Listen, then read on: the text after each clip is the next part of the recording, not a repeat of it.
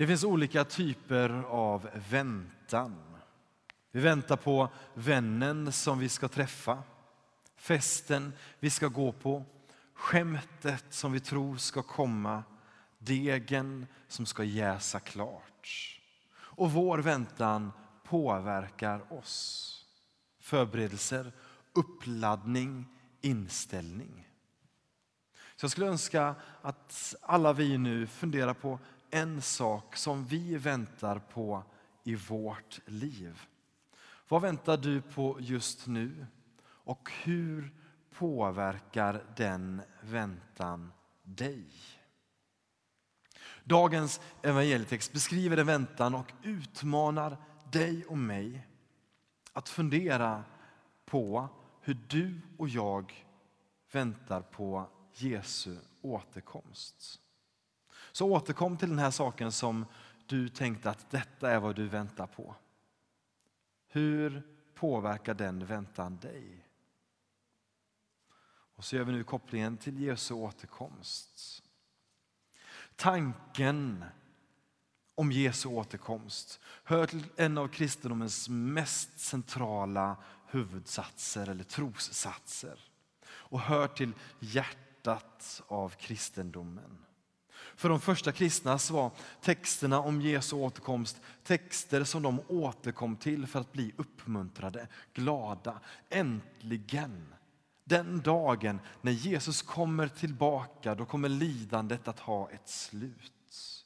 Texterna om Jesu återkomst och väntan på hans återkomst var någonting som fyllde dem med hopp och glädje. Denna väntan påverkade hela deras liv. Så hur påverkar väntan på Jesu återkomst dig och mig och vårt liv? Hur ser din och min tro på Jesu återkomst ut? Tänk er harmoni i hela skapelsen.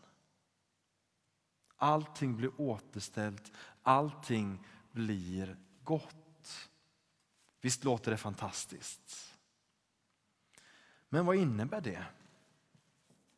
Jag pratade med en nära vän till mig som direkt apropå detta sa Innebär det slutet för arga lappar i tvättstugan? Jag svarade direkt ja. Och så fortsatte jag lite skämtsamt. Kanske kommer lappen då i framtiden att formuleras så här. Hej! Det verkar som att du glömde kvar kalsonger på golvet. Jag hängde upp dem åt dig. Vem vet? Min vän fortsatte med att ställa frågan, men kan vi verkligen förvänta oss att den harmoni som Jesus kommer med kan överbrygga alla de skav som dina och mina olikheter skapar och som uppstår mellan oss. Vad tänker ni? Vad innebär Jesu återkomst? Hur stor är den harmonin?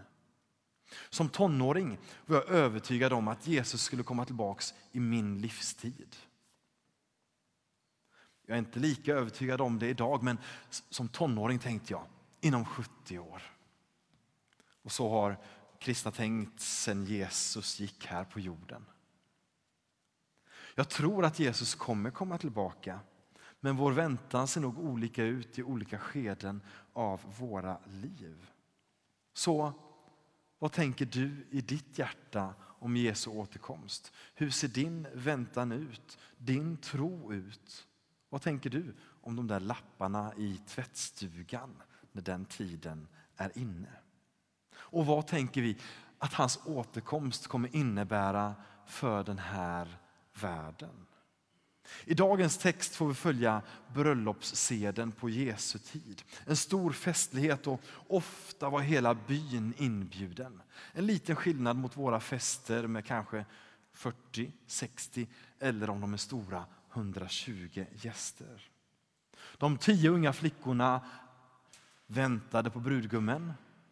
Men det fanns ett problem.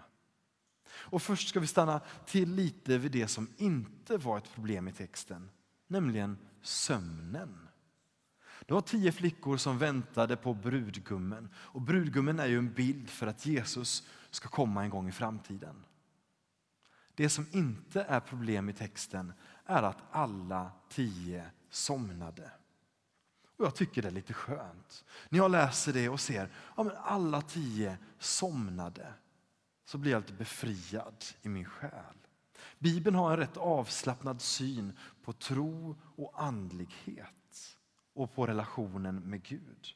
Det kristna livet är inte tänkt att leva i någon slags neurotisk rädsla för att bli dömd eller granskad när som helst. Det kristna livet är mycket mer avslappnat än så. Det var inga problem att de här tio unga flickorna sov. Det var inga problem att de var lite sömnrufsiga i håret när brudgummen kom och festen skulle börja. Du får vara trött. Vi får känna att dagen har varit slitig. Vi får slumra till. Vad var det då som var problemet? Att de inte hade facklor som brann.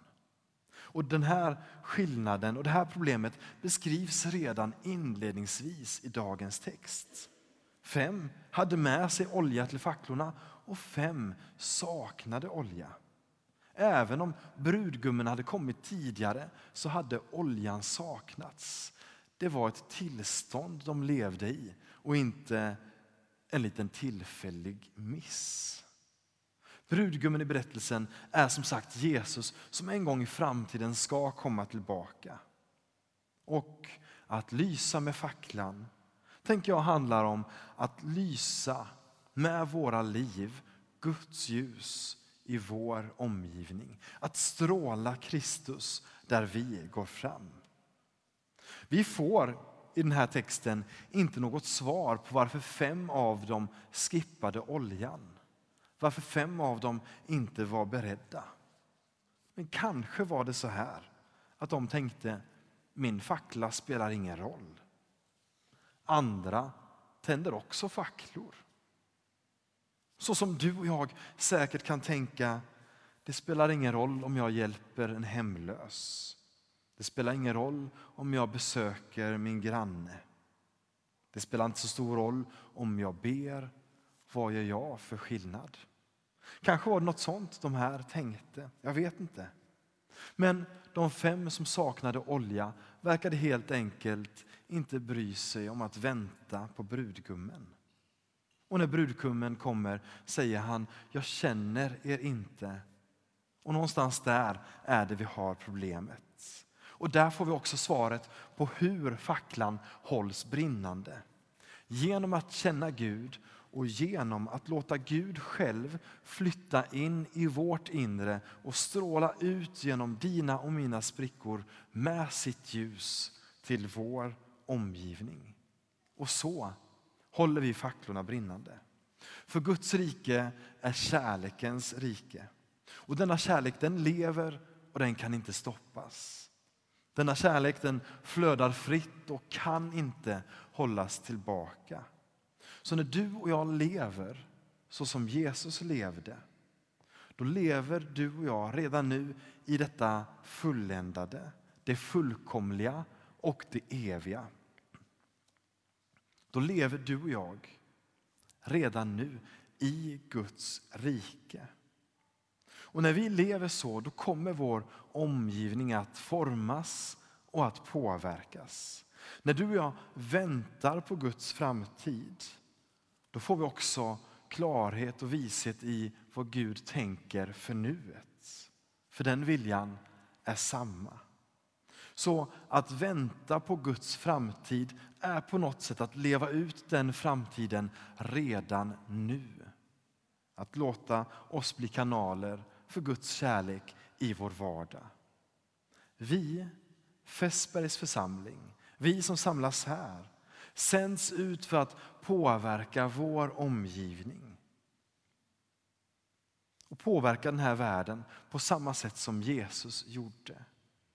När vi tror på Gud så representerar vi Gud i vår omgivning. Vi representerar det framtida Gudsriket.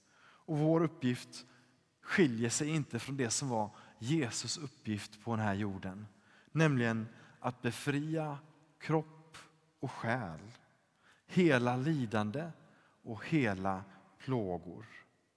Elden som Jesus tände är kärlekens eld.